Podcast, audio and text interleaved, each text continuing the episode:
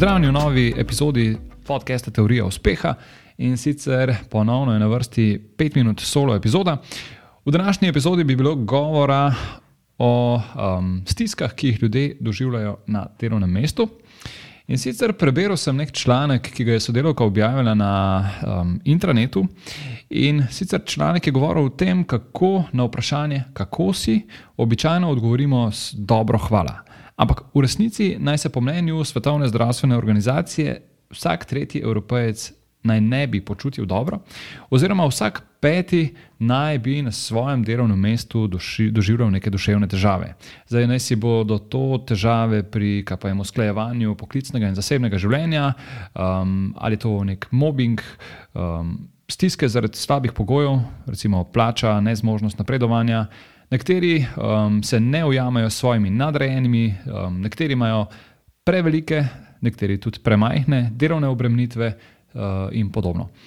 In potem sem v bistvu razmišljal, koliko ljudi v bistvu tudi sam poznam, ki mi razlagajo, da jim je vedno mučno, ko se bliža konec vikenda in uh, vedo, da bodo mogli naslednji dan spet v službo in imajo zaradi tega že.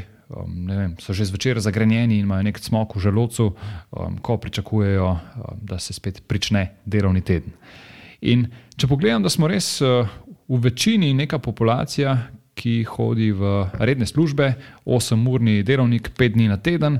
Se pravi, da 5 dni v tednu, eno tretjino dneva ljudje trpijo, oziroma so v neki stiski. Um, potem pride petek popoldan in se zadeva nekoliko izboljša, sobota je ok, soboto, v nedeljo spet začnejo počasi drseti proti tistem, tisti fazi stiske. Zdaj, na srečo lahko rečem, da sam tega občutka res ne poznam, ampak je pa vprašanje, zakaj sploh prihaja do to vrstnih stisk. Zdaj, mogoče je pač to del naše mentalitete, da nekako mislimo, da si um, poiščemo delo in da je to to, in do konca življenja moramo zdaj hoditi tja v službo, tudi ali nam je všeč ali pa nam ni všeč, to je naša služba in tja bomo hodili. Um, mogoče je krivo tudi to, da so nas. Uh, Da so nam vedno govorili, tisto, bodi vesel, da imaš sploh službo, in se nam je to nekako zapeklo nekam v podzavest, in zdaj spet mislimo, da je to to, da našli smo službo in do konca življenja bomo hodili sem in pač čakali, da čas mine. Um, ja, mogoče pa tudi to, da si pač ne upamo tvegati in poskusiti kaj drugega. Tudi ta opcija pač obstaja.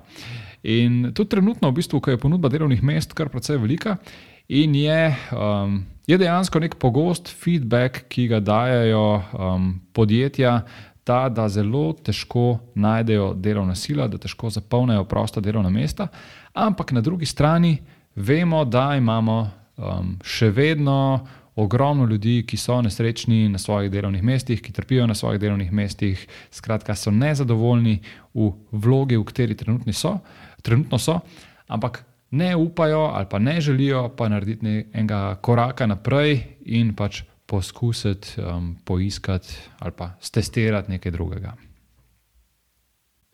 In verjetno je res predpogoj za kakršne koli dejanja v smeri sprememb um, to, da se najprej počutimo varne. In varnost je sigurno nekaj, kar bo vplivalo ne samo na neko splošno boljše počutje, ampak konec koncev tudi na našo samozavest. Um, sicer Res, da ni vedno tako, ne? nekateri se pač bolj znajdejo tudi v nekih težjih situacijah in dejansko bolj funkcionirajo, kadar so pod nekim stresom, pod pritiskom, um, kadar so v bolj brezizhodnih situacijah, pa dejansko bolj prosperirajo. Ampak mislim, da tako generalno gledano, um, veliki večini bolj odgovarja neko, neka, kaj pa je, recimo, cona varnosti. In da so bolj, um, bolj samozavestni, in da več naredijo, kadar so v takšnih okoliščinah znajdejo. In Ja, um, res smo nekako peti v nek sistem, ki nas pogosto, kaj pa jim recimo, lahko rečemo, da ubija. Um, recimo, da imamo človeka, ki ima nizko plačo in opravlja delo, ki ga ne mara. Če si želi nekaj prvoščati, bo za to rabo financiranje. Po eni strani um, si tega noče prvoščati, ker pač se bo bal imeti financiranje, po drugi strani pa, ko si prvošč in si on top um, vseh stroškov položnic, ki jih ima, nakople še en dodatno brok kredita, um, verjetno pač si res nekako znajde tako v svoji glavi, da je v neki slepi ulici, v neki brezizhodni situaciji. Ampak kljub, kljub vsemu, jaz verjamem, da pač spremembe so vedno mogoče. Ne? Sam fokus biti, eh, ne sme biti v bistvu na tistih, ali v tem primeru na nekih stroških ali pa na nekih slabših stvarih, ampak, ampak mora biti predvsem fokus na tem, kaj lahko naredimo, da si izboljšamo trenutno situacijo.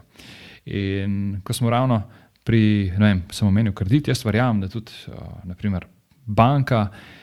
Bi bila dovzetna za neko idejo o moratoriju na kredit, če imamo neke tehnične argumente, pa nek dober plan zadnji. Uh, skratka, najprej je potrebno sprejeti dano situacijo, na to pa se fokusirati na neke rešitve in na neke akcije za naprej, ampak um, dejstvo pa je, da ja, te rešitve je pa potrebno imeti. Um, moramo vedeti, kaj hočemo delati, oziroma kaj si ne želimo, česar ne, česa ne želimo v življenju. Je pa tudi dejstvo, da je verjetno um, tudi organiziranost samih podjetij pogosto, oziroma ja, pogosto nekako ni najbolj prilagojena dobremu počutju zaposlenih.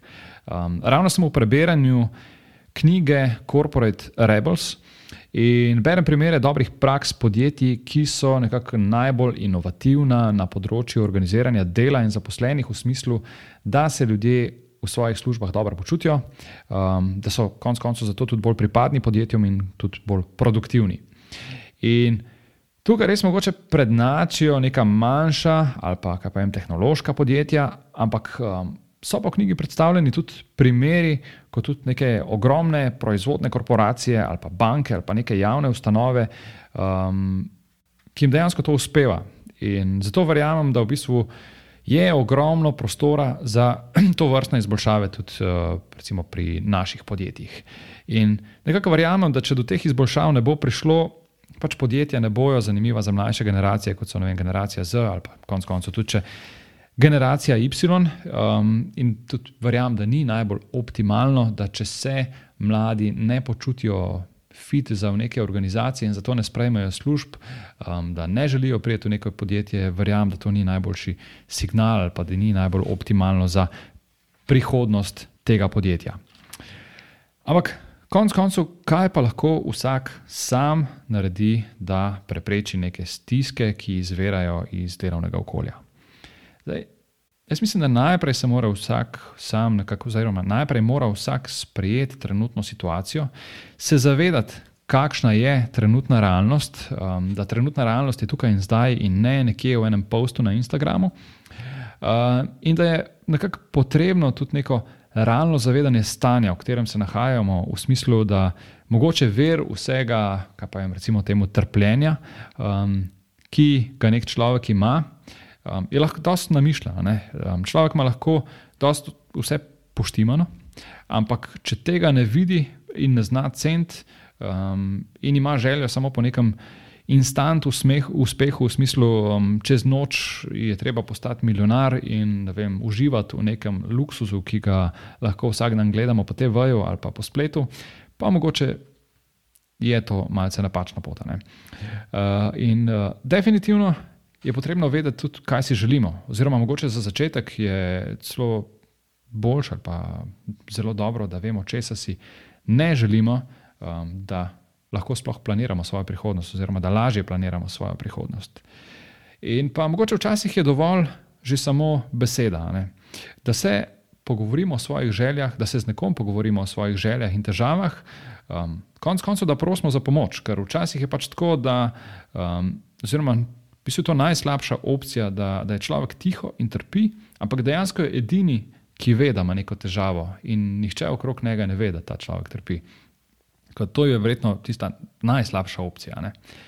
In pa kar opažam, je tudi, da je tudi manjko, ali pa, ali pa da je zelo pomembno, je tudi to, da um, si je potrebno nekoliko dvigniti samozavest. Um, se mi zdi, da vse prepogost smo ljudje fokusirani na tisto, kar ne znamo en drug zna nekaj narediti, jaz tega ne znam in zaradi tega se bom jaz slabo počutil, počutil in bom ne, ne samozavesten. Ampak premalokrat se, se pa vprašamo, kaj pa vse je tisto, kar mi znamo. Um, kaj pa je tisto, kar je naša neka um, prednost in smo lahko zaradi tega samozavestni, pa, pa mislimo, da smo dobri v nečem. Um, tako da tukaj je tudi en tak manjko. Ampak takšnih, nasvet, takšnih nasvetov bi lahko, vem, navajal zdaj cel kup. Um, V bistvu, konec koncev, je pa dejstvo, da je vsak sam odgovoren zase in da, kar je res pomembno, ni vredno zapravljati svojega dragocenega časa za stvari, dejavnosti, konec koncev delo, ki nam ne pomeni nič, oziroma še hujš, zaradi katerega se slabo počutimo. In taskov tukaj je verjetno na vseh straneh veliko. Ne? Ne vem, organizacije bojo sigurno mogle več pozornosti namenjati dobremu počutju zaposlenih, posamezniki pa se moramo zavedati, da moramo najprej sami poiskati tisto, kar si zares želimo početi v življenju, in da je čas dragocen, in pa predvsem, da je čas omejen. In zato čakanje na to, da se bo nekaj samo od sebe spremenilo, ni najboljši način, oziroma sploh ni dober način. In prav tako to, da se ne vem, udamo v neko usodo in životarmo in čakamo, da čas mine, spet ni pravi način, ker pač življenje je eno in edino, in škoda ga je zapraviti za to, da nekje čakamo, da se bo nekaj spremenilo, oziroma um, čakamo, da mine. Uh, in zato je najprej potreben spet čas, da v bistvu najdemo tisto, kar želimo. Moramo si vzeti nekaj časa zase in poštudirati, kaj sploh hočemo početi, um, ali pa, kot sem prej omenil, česa sploh nočemo početi. In pač potem ti treba iti v akcijo, da do tja pridemo. Ker na koncu tisto, kar šteje, so akcije, ki jih naredimo. In kot pravi um, sodobni promotor um, stoične filozofije Ryan Holiday, um, življenje bo na nas vrglo cel kup težav, in naša odločitev je, ali nas bodo te težave naredile močnejše ali šipkejše. Oziroma, pogosto tudi citira Marka Aurelija, um, ki je rekel, da v bistvu uvere, s katerimi se soočamo v življenju, nas spodbujajo k neki akciji. In kar stoji na poti, na koncu postane pot. Kar pomeni, da v bistvu. Večje ovire, kot nam življenje postavlja, um, močnejši bomo na koncu te poti.